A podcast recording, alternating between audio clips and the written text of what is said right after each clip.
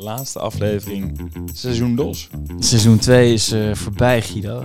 We, we, hebben de season finale net afgesloten met uh, Sander van Os, de baas en oprichter van Neo. Ja, hij heeft eerst een aantal jaar in de leer gezeten bij Multi, vastgoed. Ja, van, uh, van ja, de, toch wel de, de vastgoed godfather Hans van Vechel. Hè. Multi, dat was binnen Europa zeker wel de meest toonaangevende retailontwikkelaar. Ze hebben in, in Oekraïne, Portugal, echt uh, winkelcentra neergezet die, de, die zijn weer gaan niet kennen. Ja, en we zijn afgelopen week uh, ja, best wel goed op de inhoud uh, doorgegaan. Dat ja, we maken stappen. Ja, maken de, stappen. dat wilden we eigenlijk even doorzetten. We wilden met een mooie les de, de feestdagen ingaan. Dus hebben we hem eigenlijk één centrale vraag gesteld. Ja, uh, Guido, hoe begin je nou voor jezelf in de projectontwikkeling? Hoe word je zelfstandig ontwikkelaar? Precies, want wij zijn natuurlijk eigenlijk een beetje laf gewoon ergens in dienst gegaan. Ja. hoe ga je het nou eigenlijk voor jezelf doen? Ja, nou ja, dat heeft hij natuurlijk ook gedaan. Maar na negen jaar uh, had hij genoeg geleerd en uh, is voor zichzelf gestart. En ja, nogal succesvol. Want binnen een paar jaar is Neo een van de meest toonaangevende ontwikkelaars van Nederland geworden. Dus je hoort het allemaal in de Vastgoedmarkt podcast. Seizoensfinale. Jong geleerd. Oud gebouw.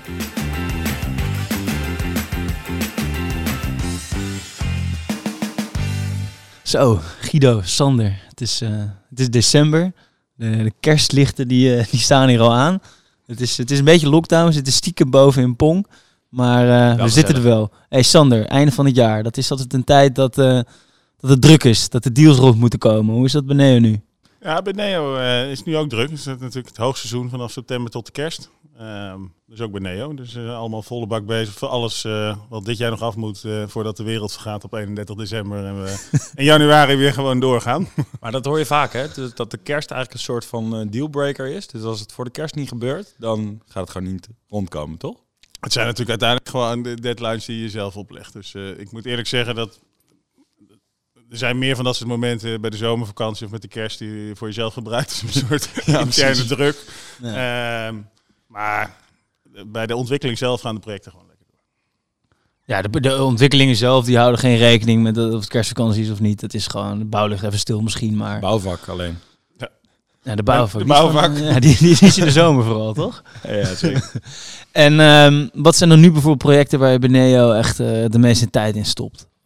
Ja, we zijn op dit moment denk ik heel druk uh, in Eindhoven met het uh, VDMA-project. Waar we vol uh, zitten voor een deadline voor het einde van het jaar. om daar door te gaan naar de volgende fase. Um, Kun je kort een beetje vertellen wat, wat het inhoudt, het VDMA-project? Ik vind, architectonisch is het echt bloedje mooi. Ja, zoek het dus weer even op hè, thuis. Ja, zoek het even op. Dat is een beetje nadeel van een podcast, maar je hebt allemaal waarschijnlijk telefoon nu in de handen. Ja, Check ja, het even. Dus doe het even en dan geeft Sander uh, verbaal commentaar bij, bij, de, bij, de, bij de renders die je Heel ziet. even wachten, ik denk dat mensen hem, ja, die hebben hem nu wel gevonden. Sander. Ja, Ze hebben het nu wel gevonden, denk ik. Dus uiteindelijk ben je, als het goed is, nu uitgekomen in Eindhoven. Uh, aan, aan, de Vestdijk, vlakbij het station. Ja, het is een project uh, wat door, door Being, waar een tender, tender mee is gewonnen. En wat we in combinatie met Timeless en, en Being ontwikkelen. Dus dat zijn drie ontwikkelaars eigenlijk? Nou, eigenlijk twee ontwikkelaars. En uh, Timeless is ontwikkelaar en, uh, en investeerder in het project. Uh, maar de, de, dagelijkse gang van zaken wordt door Being en Neo gedaan. Oké, oké, oké. En wat, en wat voor project is het? Hoeveel ja, het is echt, echt een, een, een mixed-use, complex, binnenstedelijk project. Het is een project dat op zich op ons buik geschreven is bij Neo. Ehm, het is een project met in totaal kleine 700 woningen en 20.000 meter commercieel en publieke ruimtes. Uh, allemaal gebouwd rondom een centrale uh, stage. Dus echt een, een plek waar evenementen kunnen, kunnen plaatsvinden, waar mensen samenkomen, waar ook coworking is, horeca. Uh, en die 20.000 meter commercieel, is dat, wordt dat kantoor, wordt dat retail? Het wordt ja, eigenlijk alles. een mix van alles. Alles wat je in de binnenstad vindt. Dus een mix van kantoor, dus kantoor met grotere ruimtes, kantoor met kleinere ruimtes, publieke ruimtes voor een museum, coworking. Voorbeeld mixed use eigenlijk. Je hoeft eigenlijk dat hele gebouw niet meer uit als je daar woont. In principe, precies. Het is eigenlijk gewoon een klein stukje stad uh, in de stad. Ja, voorbeeld mixed use. En waarom is, is, is Eindhoven dan een goede plek? Ik bedoel, het is, ja, het is de, de vijfde stad van Nederland. Huisvest PSV, maar alsnog. Het is wel... Uh... Ja, dat, dat, dat, is inderdaad, blijft natuurlijk gewoon een nadeel. Maar voor de rest is het denk ik uh, is het een hele innovatieve stad met uh, fantastische bedrijven. ja, met, met, met, met, een universiteit. dus ja, wat ons betreft, eh, de stad, eh, of een van de steden in Nederland waar eh, maximale groei op dit moment plaatsvindt. Op alle gebieden, dus op woningen, op, eh, op werken, eh, op innovatie. Eh, Op Ja. de Brains, hè? Ja. Brainport. zoals Brainport, ik zelf, ik heb altijd geleerd, je hebt Seaport Rotterdam, daar waren we twee weken terug. Dan heb je Airport, is Schiphol. En de Brainport. Ja, ik vind het hele slimme marketing, hoor. Ja, Ja, ja, ja. ja het werkt wel. maar dat zo, werkt als de mal. Ik bedoel, eh, die mensen van, eh, wat is, was het nou Roundhill of, of Oak Tree? Die, via, die, die het van Boekhoorn hadden gekocht. Eh, in Eindhoven, de high-tech. De high-tech campus, ja. Ja, ja, voor 1,3 miljard of zo. Een, een paar weken terug. Ja, ik weet niet. Ik weet dat Jones geadviseerd heeft van dat deed mijn huisgenoot. maar verder heb ik geen idee. Ik vind het wel leuk. Ja, in Ja. ieder geval booming. Gaan we nog even opzoeken. Gaan we even opzoeken. Hé, maar Sander, je gaf ook aan van het is, eh, het is dus mixed use, binnenstedelijk. Dus ons wel op het lijf geschreven. Ho- Hoezo dat? Wij vinden het heel leuk om, eh, en daar zijn eigenlijk zijn, zijn de mensen bij ons eh, bij NEO ook eh, in gespecialiseerd, om, om eigenlijk wat complexere binnenstedelijke multifunctionele projecten te ontwikkelen. Dus dat is eh, nou ja, waar de, de projectmanagers bij ons en de ontwikkelaars eh, nou ja, ervaring hebben en eh, goed in zijn. En eigenlijk komt dat ook een beetje terug bij waar, eh, eh, waar ik en Ilko, die ooit met NEO begonnen zijn, vandaan komen. Ehm, en ja, dat, dat, dat is eh, multivastgoed. En Multi stond eh, in Europa eh, bekend als de ontwikkelaar van eh, de wat nou, grootschaligere eh, retailprojecten eh, in binnensteden of eh, buitensteden. Ja, ik heb me er, eh, oh ja, ik heb me toevallig laatst een beetje in verdiept, omdat ik dacht van dat multi, ik zie, ik zie links terugkomen, rechts terugkomen, maar eigenlijk kwam ik het niet echt in het nieuws tegen, zeg maar. Dus ik moest in verdiept. Nou, dat is dat jij, jij zegt het een beetje eufemistisch eigenlijk, eh, of je onderschat denk ik wel zeden, want, want toen ik erover las, was het gewoon de allergrootste ontwikkelaar van heel Europa. Dat was, zeg maar, wat toen werd gebouwd, was, was, was echt top-notch, eh, eh, next level vastgoed, wat het toen nog niet was, toch? Dat, dat was wel echt... Het was Ja, wel nee, zeker, zeker. Ik denk dat zeg maar, toen de tijd onder de leiding van, van Hans van Vechel onder andere, eh, Multi, eh, samen overigens toen met ING Real Estate en MAB, eh, in Europa een van de toonaangevende ontwikkelaars waren die in Nederlandse steden, maar ook ver buiten Nederland, van Oekraïne, Turkije, Portugal, gewoon een hele grootschalige projecten ontwikkelden. En wat was toen de reden dat jij dacht, daar moet ik bij? Is dat ook omdat ze dus dit Ja, t- zo bekend stonden? Of? Toen ik klaar met studeren was, op dat moment aan het eind bedacht. Hoe lang is dat- geleden? Het is echt heel lang geleden. Waar heb je gestudeerd? Nee, in, in Delft gestudeerd en eh, was daar eind 2006, eh, eh, heb ik daar mijn studie afgerond bij eh, toen nog OVG, nu Edge. Ja. Ehm, en, eh, dat bestond toen al, joh. Wel bekend. Zo, joh. Wel bekend volgens mij. Dus eh, vervolgens in, eh, in het begin van 2007 eh, begonnen bij een projectontwikkelaar. eh, en op dat moment eh, kreeg ik de kans bij Multi om te starten. Ja. Dus eigenlijk gewoon vanuit de schoolbanken bij Multi gestart als, als junior ontwikkelaar. Oké. En ehm, toen bij Multi, daar heb je dus een aantal jaar gezeten. Hoe lang heb je daar gezeten? Negen jaar. Negen jaar gezeten. En toen dacht je eigenlijk van, de sprong moet gewaagd worden richting het eigen bedrijf. Ja, want dan komen we eigenlijk aan bij onze de halmvraag van de aflevering. Hè? Van eh, hoe begin je nou voor jezelf in de projectontwikkeling? Dus toen na negen jaar inderdaad, toen dacht je ik uitgeleerd of, of, of je zag een nieuwe kans? Of wat, Ja, dus wat- eh, misschien in eerste instantie even, want inderdaad eh, in Delft heb je natuurlijk de fietsenmakers. Ze hebben tegenwoordig ook meubelmakers volgens mij. maar jij, jij wilde dus Dit onder ons ken ik niet. Jij wilde dit? de stenen in. Wat is dit? Waarom ben je daar in eerste instantie eh, heen gegaan? Ja, omdat ik niets met fietsen had. Nee. Maar wel meer met stenen. Dus, eh, nee, de, de eigen combinatie van de drie vragen die jullie achter elkaar stellen. Eh proberen een een, eh, eenduidig antwoord te geven. Ehm, ik, ik, ik zat bij Multi en wat ik net zei, onder de, onder de leiding van, van Hans van Vechel die tijd, maakte Multi door heel Europa fantastische, meest creatieve ondernemende projecten. Dat, dat sprak mij heel erg aan en de meeste mensen die in die periode bij Multi werkten. Ehm, maar goed, eh, ook aan die periode kwam een eind. En dat, je zag op dat moment al aan het begin van de, van de vorige crisis dat ehm MAB er mee ging stoppen, eh, ING ging ermee stoppen. Ehm, en Multi werd op dat moment vijandig overgenomen door Blackstone. En ehm, nou, op dat moment raakte Hans uit beeld. Eh, we gingen andere type projecten doen. En wij hadden het idee eh, dat het misschien wel eens kon gebeuren dat Multi niet eh, eh, nog 30 jaar hele grootschalige projecten door heel Europa ging ontwikkelen. En daar wilden wij wel mee door. Dus eigenlijk heb ik nooit vanaf dag één bedacht van ik moet als ik tien jaar bezig ben een ontwikkelaar of een bedrijf starten. Ik bedoel, de, dat, de aanleiding kwam eigenlijk door de markt en door de, door, door de ontwikkelingen bij Multi. Ja. Dat wij gewoon door wilden gaan met hetzelfde type projecten ontwikkelen, alleen dan eigenlijk voor onszelf. Ah, oké. Dus het was eigenlijk een beetje uit, nou ja, uit nood geboren, om het zo maar te zeggen. Dan echt de sprong wagen, zoals ik het net zeg. Ja, nou ja, ja, nee. want Enerzijds was het niet zo dat uh, toen ik met Ilko Nettinga bedacht dat dit een goed idee was, uh, dat we op dat moment geen werk meer hadden bij Multi of weg moesten. Daar was helemaal geen sprake van. alleen wij zagen wel langzaamaan de kaars uitgaan en die wilden we voor zijn. Dus toen dachten we, nou ja, weet je, je ziet de markt veranderen en dat zagen bij Multi, dat zeker op het gebied van, van retailontwikkelingen de vraag naar ontwikkelaars die meer samen ontwikkelen dan zeg maar echt turnkey. Ja. dus eigenlijk, hoe, hoe bedoel je dat? Hoe doe je dat? Ja, wat ik daarmee bedoel is dat je in de, in de, in, in, in, in de retailwereld eigenlijk ziet dat uh, het, het, er niet meer hele grote nieuwbouwontwikkelingen zijn, maar dat het toch het, het verbeteren van, van bestaand vastgoed is. Het, het, toevoegen van functies aan bestaand vastgoed.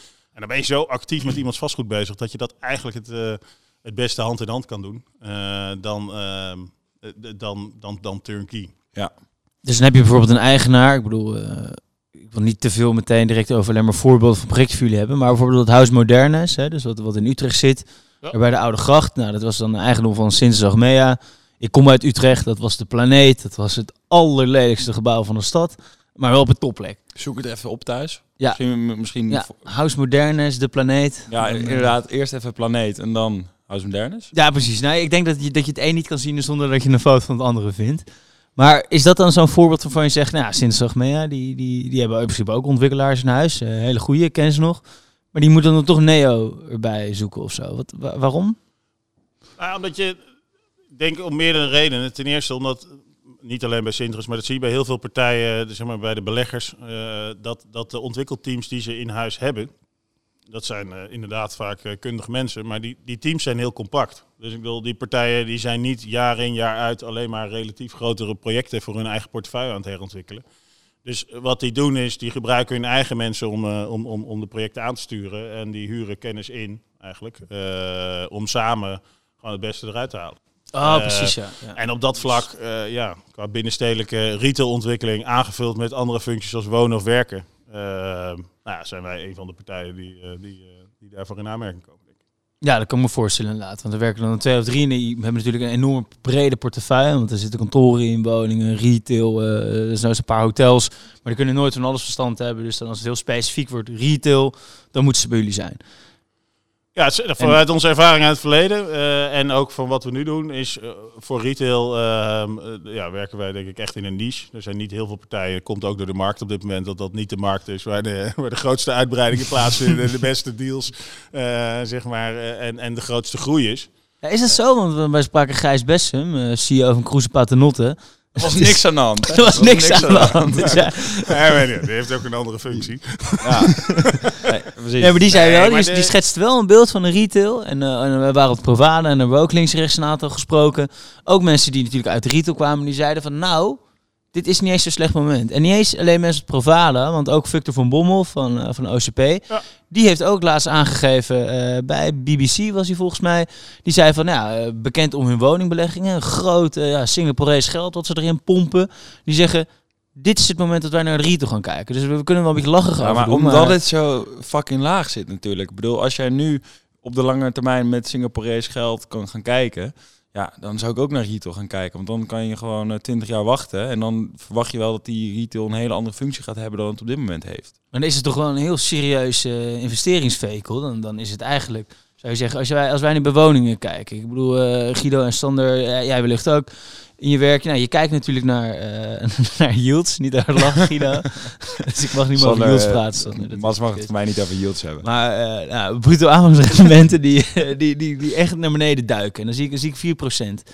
En als je kijkt in de retail, waar je misschien wel 8, 9% kan, uh, kan verdienen. Nou ja, als daar een paar procent van afgaat, dat is nog wel voor te stellen, hè? 5%, maar 1% bij, bij, bij wonen. Oké, okay, Guido, ja. die wordt nu een beetje boos. Ja, je moet gewoon, dat, dat is niet voorstellen. Dus met andere woorden, er zit veel potentie in, in, in, de mond nemen. Want en, ik snap mensen, kijk, mensen zitten ook te luisteren en denken, yields is, dan moet hoog moet goed zijn. Dan moet je ook even uitleggen dat laag dan beter is. Nou, misschien kan Sander daarmee helpen dan. waarom is een, een laag yield... Ja, kijk, uiteindelijk de, de yield, misschien omdat het een iets makkelijker wordt, wat ik een makkelijker woord vind, is, eh, is rendement. Uiteindelijk gaat het om de soort, soort van, klaar, eh, joh, soort eikel. van de, de rente op je geïnvesteerd geld. Hè. Laten we het, laten we het zo, eh, zo proberen te, te duiden. Het is precies wat jij zegt. Op dit moment voor kantoren, maar ook voor logistiek en voor woningen worden zulke lage rendementen zeg maar, betaald. Waardoor ja, er hoeft maar wat te gebeuren. en ik bedoel, dat risico wordt in de markt op dit moment klein geacht voor, voor wonen, logistiek, maar ook kantoren op goede plekken. Eh, maar ja, als je een grote hal hebt en, en, en de, de huurder zegt op eh, en je hebt hem ingekocht voor een heel eh, scherp rendement, ja, dan, dan heb je toch gewoon een stevig probleem meteen. Hè, dat is eigenlijk van, van wat tot, tot nog niet zo lang geleden, bij wijze van spreken, ook de rendementen die op de Kalverstraat betaald werden voor winkelpanden. Want nou, daar waren ook panden die, zoals Gijs eh, Bessem ook betoogt, eh, weet je, de Kalverstraat is natuurlijk hartstikke goed en blijft goed. Eh, alleen als daar door de marktontwikkeling de huren iets lager worden of je hebt een lange Leegstand. Ja. en de, de rendementen wisselen dan toch. Dus, ehm, maar de andere kant van het verhaal is dat, dat, dat je je altijd moet afvragen van... Op dit moment zijn inderdaad de rendementen in de retail, maar ook de huren staan onder druk. Die zijn ze op zo'n niveau dat, ja, dat er ook wel weer kansen ontstaan. En ik bedoel, en het zijn kansen voor, nou, zeg maar een, een, een nieuwe huurder of een ander type huurder... die daar toch langjarig voor een bepaalde huur in wil zitten. Of het zijn kansen eh, dat een deel van het gebouw misschien getransformeerd kan worden. En even al- als voorbeeld, zoals House Modern in Utrecht, maar ook eh, zeg maar de oude Hudson Bay in Rotterdam. Die plek is natuurlijk top. En ik wil, die blijft top. En daar lopen ontzettend veel mensen elk jaar langs. En ja, Lelijk. Is mee Rotterdam. Veel? Nee, ja, d- d- nou ja, zeker. Ik bedoel, eh, natuurlijk, eh, maar dat is hetzelfde als bij de planeet. Ik bedoel, je moet investeren in het gebouw en je moet er een functie aan toevoegen. Ik bedoel, het was eh, zeven, zeven verdiepingen retail. Ja, dat werkt dan nu misschien niet helemaal meer. Maar die begaande grond en het koopgrootniveau, ja, daar gaan echt nog wel jarenlang mensen iets kopen. Hè? En, en dat is denk ik ook wat Gijs in, in zijn gesprek betoogt. Ik bedoel, die plekken zijn nog zeker niet slecht. En als je de waardes ziet waar dat vandaan komt, hè, de, de, de, de, in de topsteden in Nederland, de A1-prijzen op begaande grond, eh, zeg maar, eh, het ren- rendement in combinatie met de huur. Ja, dat zijn niveaus. eh, Daar kunnen woningen, kantoren of bedrijfshalprijzen nog steeds echt niet aan tippen. Nee, hè? nee dat, dat is echt drie, vier keer zo hoog of zo. Ja, het hangt van de plek wat af. Maar ik bedoel, voorstellen? de, Kalverstraat, maar ja, ik heb wel eens gekeken wat dan de huren zijn per vierkante meter of zo. Dat is, Nou ja, Rotterdam denk ik, op de goede plekken in Rotterdam wordt er, wordt er nog steeds, eh, eh, denk ik, eh, richting de 1000 euro per vierkante meter betaald. Nou, als je dat dan met een rendement van, die op die plekken nog steeds betaald wordt, denk ik van, nou, noem eens wat, eh, 4 heb je het over, eh over 25.000 euro per vierkante meter. Dus dat zijn andere vierkante meter prijzen dan wat een woning in dezelfde omgeving in Rotterdam ja, kost. ja, want elke, elke, elke amateur eh, vastgoedman die kan wel een beetje op Funda kijken en die ziet dat het in de Jordaan, het zijn 8000 zijn of zo. Dus om dat even in perspectief te plaatsen, dat winkeltje op de hoek, eh, dat kan nog best wel wat waard zijn. Ja. Hey, maar je, je raakt ook even de logistiek aan. En de logistiek zei je, we hadden het over, nou, waar, waar ligt wel risico, waar ligt niet risico. Bij die hallen zeg jij van, ja, nou ja als, als zo'n grote huurder weggaat, dan staat in één, in één knal je hele hal leeg. Alle En, eh, en, ehm, maar goed, dat wordt wel, wel, we hadden, we hadden Willem Slagen hier, nou, die, die zal niet mee eens zijn. Die kan, kan niet inbellen nu. Maar eh, waarom zien zij iets wat jij, jij niet ziet of andersom? Investeer jij zelf in, in, in, logistiek? Nee, of eh, wat, wat is laat er? ik vooropstellen dat wij eh, gespecialiseerd zijn in eh, gewoon multifunctionele binnenstedelijke projecten. En daar vind je over het algemeen wat minder eh, logistiek grote hallen. Dus ja, maar hij zal er ongetwijfeld veel meer verstand van hebben dan ik. Alleen even in het uitleggen van het rendement is, als je, vind ik dat als je een woongebouw hebt, zeg maar ergens in de ran- randstad, waar, waar honing, 100 eh, appartementjes in zitten en elk jaar eh, zeggen er een keer één of twee mensen een appartement op en dan vind je weer een nieuwe voor. Heb, heb je, vind ik, een ander risicoprofiel dan dat je een single-tenant eh, kantoorgebouw hebt of een, of een hele grote hal met één huurder. Weet je, er komt een moment dat die huurder misschien weggaat. Nou, als hij dan weer tien jaar bijtekent, ja, dan gaat het natuurlijk hartstikke goed. Maar als die opzegt, ja, dan zul je een nieuwe moeten vinden. En ik bedoel, de markt is nu natuurlijk goed, maar dat kan niet zeggen dat over een paar jaar eh, dat die vergelijkbaar is. Ik kan me voorstellen dat hij ook veel cyc- cyclischer is. Hey, ik wil even terug naar de centrale vraag eigenlijk van de aflevering. Ja, als Ehm, jij die doet, eh, dan tap ik even snel een biertje. Oeh, ik zie ja, dat dat jij is- leeg bent. ja, Sander heeft te veel gepraat. Ja, Dat is, dat is een... heeft de tempo er niet op zitten. Ehm, de Strala-vraag van de aflevering was dus eigenlijk hoe begin je voor jezelf in de projectontwikkeling? En nou hoorde ik je al even zeggen van, wij zijn niet uit, ehm, eigenlijk uit echt de sprong willen wagen naar het ondernemerschap voor onszelf begonnen. Maar de kaars was nog niet uit bij Multi, als ik je goed begrijp. Dus uh, je had toen tien jaar bagage uh, aan ervaring. Ja, kleine tien jaar. Kleine tien jaar. Was die timing goed? Had je langer moeten blijven, minder lang moeten blijven? Wanneer ben je daar eigenlijk klaar voor? Ja, ik denk dat je er uiteindelijk gewoon klaar voor bent op het moment dat je gewoon in je hoofd denkt van, joh, dit is een goed moment. En, ja, maar als ik naar, naar Mas, Mas kijk, die denkt dat af en toe al uh, sowieso. Die leidt aan chronische zelfsoverschatting. Um, Fake to make. Ja. En dat, uh, dat zie je natuurlijk wel vaker bij uh, misschien wel, uh, nou misschien bij on, onze generatie. Maar nee, maar gewoon, dat hoor ik best wel vaak ja. op mezelf. Dan hebben mensen twee deals. Dus nou, nu kan ik het wel zelf. Maar ik denk ook wel dat je een keer heel laag moet zijn gegaan in een deal. Weet ik veel, een keer verlies maken. Een keer dat het echt alles erin hebt gepompt en dat het gewoon niet doorgaat. Hoe kijk jij dat tegenaan? Nou, de, de, wat, wat voor, voor ons gewoon het punt was, dat we gewoon uiteindelijk zeg maar, die stip op de horizon bij Multi niet meer zagen. Dus, ja. dan, dus dat was eigenlijk zeg maar tipping point. En uiteindelijk, weet je, één is natuurlijk uh, wil je een boterham verdienen, wil je geld verdienen en wil je, wil je iets opbouwen. Maar de andere kant is toch ook echt wel dat je gewoon plezier in je werk hebt en mooie dingen maakt. En als die mooie dingen steeds minder mooi worden uh, en je gaat met steeds minder plezier naar je werk, ja, dan, dan, ja, dan kun je of op zoek gaan naar een nieuwe baan. Ja. Of je denkt, nou, misschien uh, met een kleine tien jaar ervaring, maar vooral ook gecombineerd met Ilko, waar ik toen mee ben, gestart. Die had bijna 30 jaar bij Multi gezeten. Ik wil, uh, misschien moeten we eens vragen aan andere partijen of die, uh, of die zeg maar kans zien voor ons. dat we samen met hun gewoon mooie projecten kunnen maken. En ik wil dat, dat hebben we eigenlijk nadat we opgezegd hebben heel snel gedaan. Ja. gewoon verkend. Uh, waar die kansen lagen. En, uh, ja, er waren, ja, hoe, hoe, zit dat precies? Want jullie zijn, als ik het goed heb, met vier ex-multi-mannen die uh, partner zijn op dit moment. Ehm, die heb je dan daarna nog een keer achter je aangetrokken. nou ja, ja nee, zo, zo, zou je het kort kunnen samenvatten. Maar ik, wil, ik ben dus met één van die andere ex-multimannen, Ilko, begonnen. Ja. Uh, Toch een beetje ponynieuws. En daarna zijn er, uh, hebben er of nog twee achter ons aangetrokken, of die zijn, uh, of die zijn bij ons aangesloten, omdat ze eigenlijk dachten van, nou, dat, dat, dat is eigenlijk wel gewoon een club met energie. Ja, ja precies. ook gewoon mooie projecten maken. Dat het geen nachtkaars was die misschien langzaam nee, die, die zagen het licht ook wat later uitgaan. Oké, ja. logisch. En inderdaad, hoe gaat zo'n verkenningsronde dan? Want je zei dan misschien tijdens je uh, tijd bij Multi dat je al heel even aan het kijken was. Van nou, hebben wij eigenlijk genoeg credits dan opgebouwd in onze afgelopen projecten, zodat wij zelf een trustworthy nieuwe partij kunnen worden? Ja, nou ja, wat, je, wat, wat wij zagen aan het eind van de periode bij Multi was dat retailprojecten eigenlijk steeds meer zeg maar, in opdracht van partijen werden uitgevoerd. En op dat moment waren we uh, voor Wereldhaven met een aantal projecten bezig om een aantal grote winkelcentra te gaan herontwikkelen. Ja. We waren toen vol in aanbouw uh, en verbouw op het Gelderlandplein in Amsterdam, waar ons kantoor ook zit. En ja, eigenlijk op basis van, van hoe je dat werk doet, denk je, nou, dat, je, dat zouden we voor meer mensen kunnen doen. Uh, en bij sommige partijen kun je daar net voordat je opzegt dus een keer vragen van, joh, hoe vind je nou dat dit gaat? En wat zou je ervan vinden als wij dit voor onszelf gaan doen? Ja. ja en bij anderen doe je dat net na het opzeggen. Precies. Uh, en uh, ga je gewoon vanuit dat het vertrouwen goed is. Ja, dat balletje gooi je al natuurlijk wel even op voordat je je schepen ja. verbrandt. Ja. Nou, dat is dus, natuurlijk dus, niet meer dan logisch. Ja, maar dus even, en dan, um, dan heb je zo'n opdracht binnen, maar even, dan begin je dus wel echt met, met vier ontwikkelen. Want uh, ik zal lezen op jullie site en ze zullen meer ontwikkelaars dat doen, dat je deels uh, voor eigen risico doet. Dus je stopt je eigen geld erin en, ja. en gaat het slecht, ja, dan, dan, dan ben je kort gezegd de lul. Gaat het goed, dan kan, uh, dan kan je nog een paar projecten doen. maar ook veel als vier ontwikkelaar. Moet je dan als vier ontwikkelaar beginnen? Want ik neem aan dat je niet, niet, niet een zak geld hebt. Geen meloenen. Geen meloenen, weinig meloenen. nee.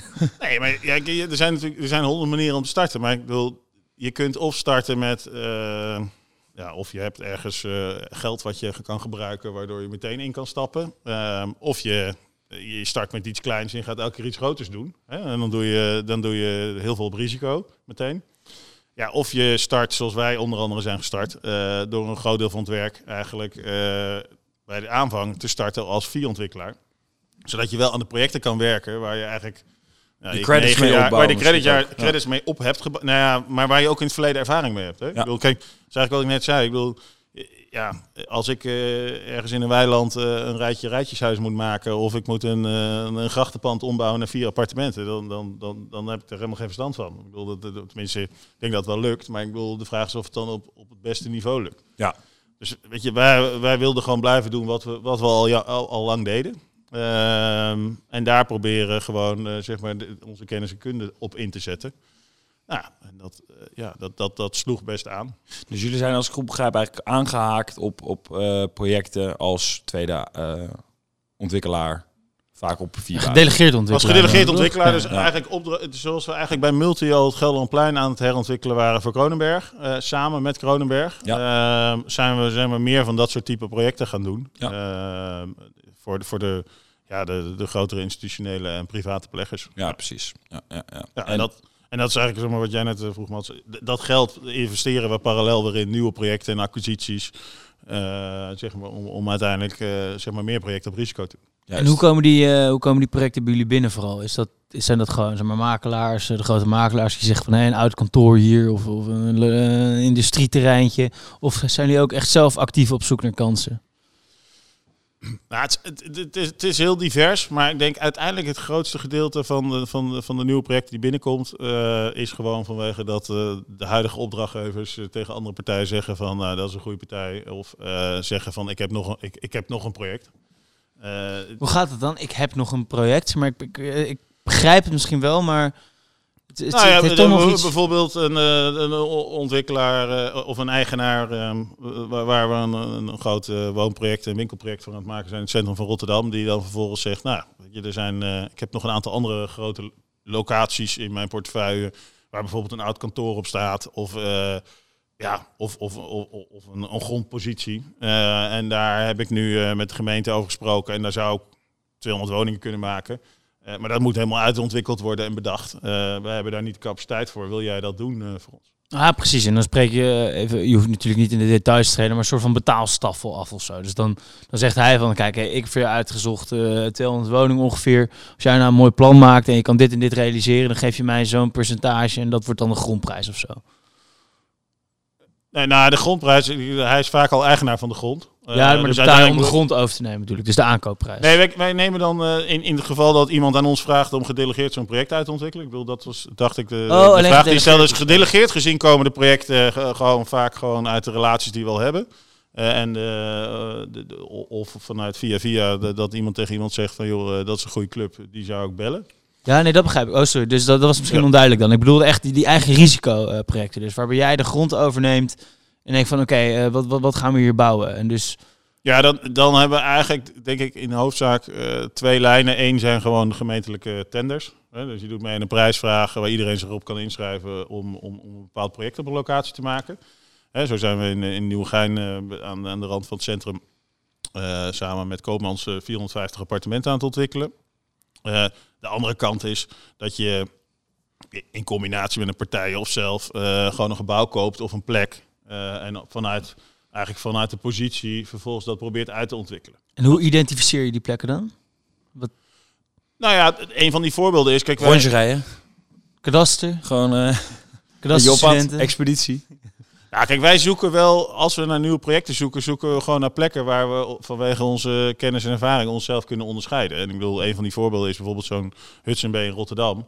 Je, ziet dat dat pand leeg staat omdat de huurder eruit is. Je ziet dat, dat, uh, dat uiteindelijk die plek gewoon qua in basis supergoed is qua retail. Niet meer op de plus 6, maar wel op de begane grond. Uh, en vanuit, vanuit die kennis heb je in ieder geval de basis in beeld. En dan kijk je, wat kan ik daar nou het beste boven maken? Is dat kantoor of is dat wonen? Uh, en op die plekken kunnen wij ons beter onderscheiden dan uh, meedoen aan een woontoren in Almere. Met, met allerlei andere grote partijen die die heel goed zijn in uh, woontorens bouwen. Zijn middenhuurtorens bouwen. Ja, ja. ja precies. Dus een Hudson. Ja, hoe gaat het eigenlijk met zijn Hudson Bay inderdaad met dan zomaar retail of, of de retail eruit knallen eigenlijk qua bestemmingsplan? Nou, kijk, dat is vaak het voordeel van, uh, van die centrumgebieden, zeg maar, die, die de, van de topplekken in de steden. Die zijn vaak gewoon bestemd als centrumdoeleinden. Dus daar uh, is in heel veel steden boven winkels al werken of wonen mogelijk. Kan allemaal gewoon. Nou, niet altijd allemaal. Dus in Hudson bij Rotterdam was bijvoorbeeld uh, uh, werken wel mogelijk en uh, wonen wat minder okay. makkelijk. Ehm, ja, dat zie je op meerdere plekken. Door ah, oké. Okay. Ja. Ja, ja, logisch. En, en je- haakt ook even aan op eh, dat er tenders zijn. Nou, als wij een beetje naar eh, Nederlands vastgoedland eh, luisteren, dan horen we best wel vaak dat, dat, dat eh, nou, in ieder geval eh, ontwikkelaars in Amsterdam zeggen, ja, die tenders, ja, eh, misschien morgen, eh daar kan ik niet meer rechtrekenen. Al die opeenstapelingen van, van maatregelen en, en het wordt alleen maar duurder, de grondprijzen schieten omhoog. Eh, ik doe niet meer mee. Eh, Komt zo'n gedachte ook wel eens aan jou op of, of eh, zien zij het verkeerd? Nee, volgens mij komt dat bij elke ontwikkelaar elk jaar op als hij weer een keer een tender verloren heeft. En na een jaar begint weer te kriebelen. Dan denkt hij, ja, het is toch een mooie kans. Want ik wil, dat zijn natuurlijk ontwikkelaars, zijn natuurlijk in basis opportunisten en ondernemers. Dus je denkt, nou, daar gaan we weer vol voor. En, eh, en al, ja, als je, als, je- als je hem wint, zeg je, ja, nou, ja, dat is helemaal, helemaal goed dat ik dat natuurlijk gedaan heb. En als je hem verliest, dan, eh, dan zeg je weer eh, negen maanden wat jij net zei. Dan, eh, die opeenstapeling van al die eisen en regels. En Ja, het is precies. moeilijk en ingewikkeld. Ja, En dus de pijplijn weer wat leger en dan gaan we weer allemaal tenders eh, lopen. ja. Maar het is eigenlijk best wel gek. Ik heb op een gegeven moment in, volgens mij ook in een podcast, een architect eh, gehoord. En die zei van ja, voor een gemiddelde tender, ik heb het op een gegeven moment gaan uitgerekend, was gewoon 60k kwijt. Ja, dat doet hij het goedkoop volgens mij. Ja, toch? en we, mij nog meer. en we, en we- dus we doen het gewoon niet meer, zeg maar. En dat was dan, of dat was dan de eerste ronde, zeg maar, omdat het best wel gewoon een risico is. 60k kun je misschien beter smijten in eh, relaties met, eh degene bij de gemeente, om het zo maar te zeggen. Ja, dat, dat, dat- eh, tuurlijk, het is ook altijd een afweging van wat, wat moet ik ergens in investeren qua tijd en geld eh, om, om een project binnen te halen. Uiteraard is dat zo. Maar de andere kant is wel, ehm, kijk, wij vinden het leuk om op gewoon de, de, de mooiste plekken van Nederland eh, gewoon projecten te maken. En ik bedoel, doordat we eh, ook een deel van onze projecten gedelegeerd doen, kunnen we heel, op heel veel posities van anderen gewoon hele gave projecten maken. Ehm, maar ja, ook op, in de buurt van die locaties zijn ook af en toe tenders. En dat zijn tenders waar, wij- waar wij denken ons ook te kunnen onderscheiden, omdat dat gewoon goed bij ons past. Ja. Ja, en dan soms denk je, nou ja, ik heb hier gewoon een, ik heb hier een voordeel eh, qua profiel en, eh, of qua relaties. En eh, ja, dan ga je er vol voor. Ja. Dus een relatie is ook van belang bij een tender? Of gaat het om vertrouwen of zo dan? Of... Nee, maar kijk, in de, in de- zo- kijk, als je heel actief bent in een bepaalde gemeente, dan weet je iets beter hoe de gemeente denkt, of de gemeenteraad denkt, of de ambtenaren denken. En dan is het natuurlijk makkelijker om daar proberen een voorstel voor te maken voor die plek, dan op het moment dat het een stad is waar je nooit iets doet. Ja, ja, Eh. dat, ja, dat is ook wat, wat dan het Ruze eigenlijk bedoelt. Dat is eh, twee weken geleden als, als de man die echt van Rotterdam houdt. En die zei ook van, ja, ik ben architect. Ze weten dat ik mooi bouw. Dat ik altijd op kwaliteit focus. En, en daarom heeft hij meer kans, zegt hij ook. Ja, dat is in Rotterdam wel makkelijk, hè? Dan mooi bouwen, relatief. Ja, ik heb er nog wel eens over nagedacht. Want hij zei van, eh, in Amsterdam is het moeilijker om een mooie wijk te maken. Omdat het centrum zo mooi is. In Rotterdam zou dat dan makkelijker zijn. Omdat je ja, de lat wat lager ligt of zo. De druk wat lager. Ja, omdat het een mooie lelijkheid is. in, eh, Rotterdam, zei hij. Nou ja, Ja. in Rotterdam heb je wat minder eh, wijken zoals de hele grachtengordel in Amsterdam, waar je natuurlijk relatief beperkt bent in wat je nog stedenbouwkundig of architectonisch kan, kan toevoegen. Terwijl in Rotterdam is, staat, staat de stad in principe open voor elk goed initiatief eh, met, een, eh, met een gaaf verhaal. En dat, dat is wel het mooie van Rotterdam. hoor. Ja, nee, zeker, Zeker, zeker. dus ik denk eh, dat, als je het kijkt vanuit, zeg maar, door vastgoedogen en, en door kansen, denk ik dat dat echt een stad is waar, waar je heel goed op moet letten de komende jaren. En de afgelopen jaren heel veel interessants is gebeurd. Ja, maar ik wil nog even één ding, ook even, ja, we moeten toch wel een beetje specifiek worden. Want we kijken nu, we hebben het dus over eh, winkelcentra, en soms op, op hele goede plekken die je een nieuw leven in moet blazen. Ik las ook laatst op eh, vastgoedmarkt een artikel dat van eh CBRE eh, Investment Management en ook vanuit Capital Value was volgens mij een rapport. En die zeiden, jongens, die, die G4, G5 qua woningbeleggingen, dat heeft wel een beetje zijn top bereikt. We moeten net erbuiten gaan kijken. G4, G5? Eh, ja, de grootste vier, vijf steden. Dat Ah, is, eh, nou, dat vind ik ook een Google momentje. dan. G7 had je ook kunnen zeggen dan, hè? Maar ik dacht Zeven, dat het we- netjes, ja. Als we Tilburg, als we Tilburg mee gaan tellen, dan ga ik een andere podcast G7 maken. is iets anders, Bas, maar dan kan je ook wel over opzoeken. dan kan ik ook naar Google. Oké, Oké, nou ja, goed. Eh, en als, als ik zeg, ehm, we gaan gewoon door. 1 plus 1 is, eh, is 3. Dus nou, woningbeleggingen moeten we een beetje buiten die G4, G5 zoeken. Eh, retail, eh, nou ja, het heeft nog wel een tweede leven. Alleen we moeten toch wat meters gaan inleveren. Wat zou jij dan als een plek omschrijven buiten die G4? Waarvan jij zegt, dat is de plek waar ik nu een positie in moet gaan nemen. En dan moeten de concurrenten even niet luisteren. Ja, dat, dat is het voordeel van retail. Dat, dat zijn heel veel plekken. Ik bedoel, eh, ik bedoel kijk, qua Zoetermeer Qua- of uh, Nee, maar qua, qua retail en qua, of qua kantoren en, en, en wonen wordt er, wordt, er, wordt er denk ik op een beperkte aantal eh, steden ge- gemikt dan eh, qua retail. Want uiteindelijk hangt heel erg vanaf wat, wat, wat voor een retailproduct je hebt. Ik wil de, uiteindelijk is in elk dorp en eh, elke stad eh, hebben supermarkten en eh, een aantal winkeltjes daaromheen bijvoorbeeld gewoon echt goed bestaansrecht. Hè? En als je vanuit de interessantheid van die plek om hem nog verder te ontwikkelen en iets toe te voegen bijvoorbeeld, ja, is de tweede vraag vaak meer van wat is dat aanverwante product, wat in heel veel plekken dan eerder wonen is dan kantoor. Eh, maar als je een woning gewoon haalbaar kan ontwikkelen en daar waarde aan kan toevoegen, is die plek vaak al interessant om, eh, om te ontwikkelen. Ja, dat snap ik. Maar ik probeer hem eigenlijk eens te concretiseren. Dus wat zijn dan bijvoorbeeld echt plekken waar, waar jij als Neo op focust? Is het, is denk ik niet elk dorp met een, met een buurtcentra. Centrum. Nou, laten we misschien anders instellen. We hebben die eh, Mall of the Netherlands, hebben jullie eh, ontwikkeld of mede ontwikkeld, gedelegeerd? Ja, de Netherlands is wel, is, is wel een heel specifiek voorbeeld, omdat daar hebben we echt maar een stuk van het traject gedaan. ja, maar daarom neem ik hem wel. Hij staat wel op jullie website, dus dan Ja, kan mag gewoon, het, ja, eh, dat mogen we- Niet als ontwikkelaar, Dan mogen we vragen eh, stellen. Eh, Leidsendam, waarom werkt dat eigenlijk nog? Dat soort, dat soort shoppingmalls, echt een beetje Amerikaans systeem. Ehm, die, die, die eigenlijk een soort van eh, grote meubelboulevards. Wa- waarom vinden mensen het lekker om daarheen te gaan?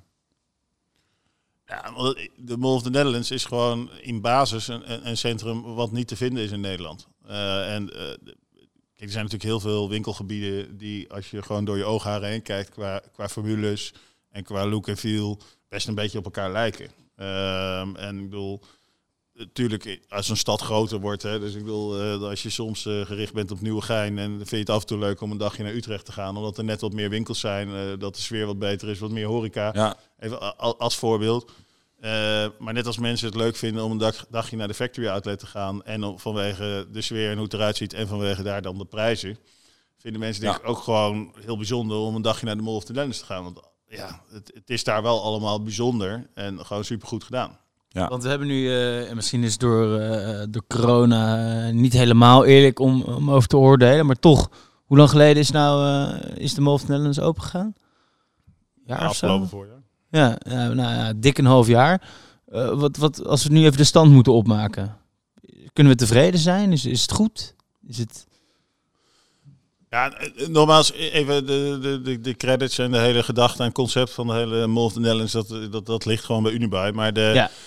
als ik gewoon even vanuit, vanuit mijn vak naar kijk, wat ik van de the Netherlands vind, is, ja, ik denk dat ze gewoon, ze hebben altijd kwaliteit hoog in het vaandel gehad en niet bezuinigd omdat, eh, omdat, om, het, zeg maar, om het goedkoper te maken, maar gewoon ingezet op het concept wat ze in eerste instantie in gedachten hadden.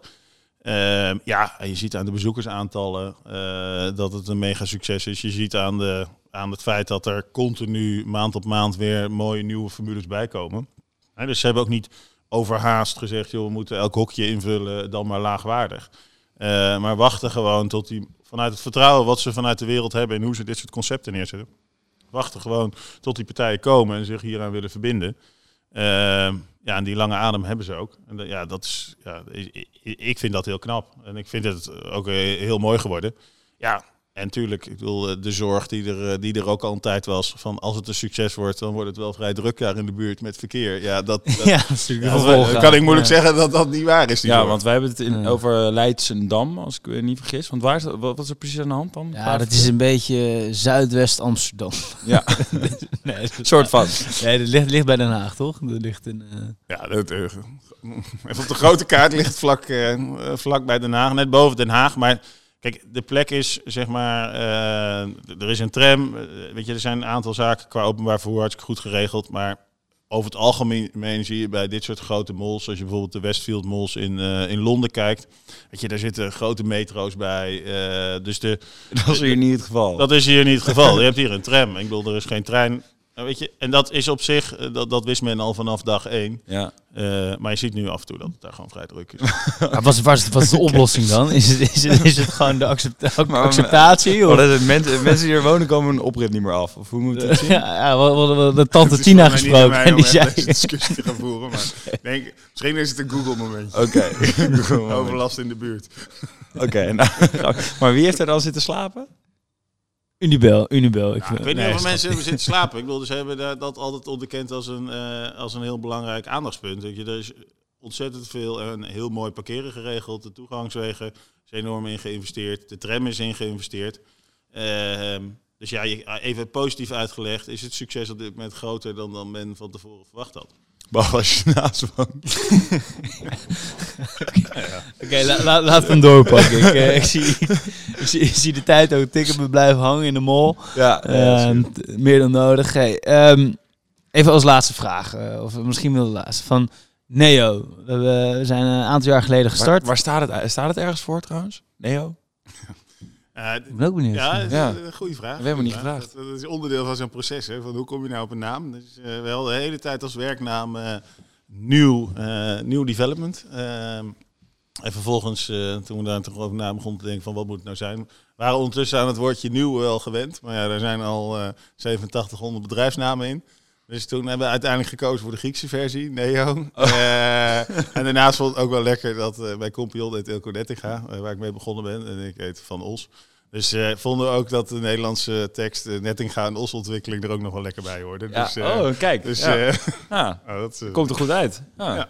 uiteindelijk... eh, Nou ja, eh, En we gaan het dus niet weer internationaliseren, want dat, dat hadden we bij eh eh GH, maar wat was het ook, hè? Gre- dat werd Eh, Greyhammer. Greyhammer en, en Company, maar het blijft gewoon Neo dus. ja, eh. Ja, dat is in ieder geval, maar Mats, jij was bezig met een vraag. Ja, ja het, is, het is een beetje een slappe vraag. Kijk, hoe langer de opbouw wordt, hoe slapper die blijkt. Maar eh, dat Neo, zeg maar, over vijf à tien jaar, zijn er nog echt eh, ambitieuze toekomstplannen? Word je, de, ga- word je de grootste ontwikkelaar van Nederland? Zo. Gaan we een Zou bepaalde goed zijn als hij nou zegt, nee, nee, ja, eigenlijk niet. Nee, nee, wij blijven gewoon... Nee, nee, we hebben helemaal geen ambitie. Dus nee, nee, ja, hangen. Iedereen die Nee. wel zo werken, nou, nee, niet echt. nee maar de, kijk, eh, eh, uiteindelijk eh, toen we zes jaar geleden begonnen, toen, dachten we, nou ja, als we uiteindelijk met, een- met een leuke club mensen met een man of tien een mooi project kunnen maken, dan, dan zou dat fantastisch zijn. Nou ja, het zijn er ondertussen een paar meer. Ik bedoel, het is geen doel op zich om met heel veel mensen te zijn. Ik bedoel, wij, krijgen gewoon energie eh, allemaal eh, van het werken aan gewoon hele gave projecten op gave plekken, waarbij iedereen die bij ons werkt het gewoon leuk vindt om tegen zijn opa, zijn oma of eh, vriend of neef te zeggen van joh, we zijn nu bezig met een plan voor de koopgoot of we zijn nu tegenover de Bijkorf in Utrecht op de hoek van de Oude Gracht iets gaafs aan het maken. Zullen we even gaan kijken? En als oma het dan gewoon een lelijk project vindt, dan mag ze dat ook gewoon zeggen. En ik hoop dat we dat eh, over vijf of tien jaar, dat mensen dat gewoon nog steeds tegen ons zeggen, maar wel weten waar we plek aan het maken zijn. Nou, dat, daar kan ik wel mee leven. Dat vind ik... eh, Mijn leven, nee, ik vind het, ik een mooie ambitie, mooie schetsend verhaal. Ja, zeker. Nou, Sander, dankjewel. Wij hebben in ieder geval wat geleerd. Eh Bas en ik zijn niet van plan om eh, heel snel voor onszelf te beginnen in de projectontwikkeling. Maar het is in ieder geval, Ja, we hebben nog genoeg te leren. ja, het is in ieder geval goed om te weten. Jij over de G5, ik over de G7. Mocht het dan zover zijn, dan weten we waar te beginnen. Sander, dankjewel. dank Cheers. Cheers.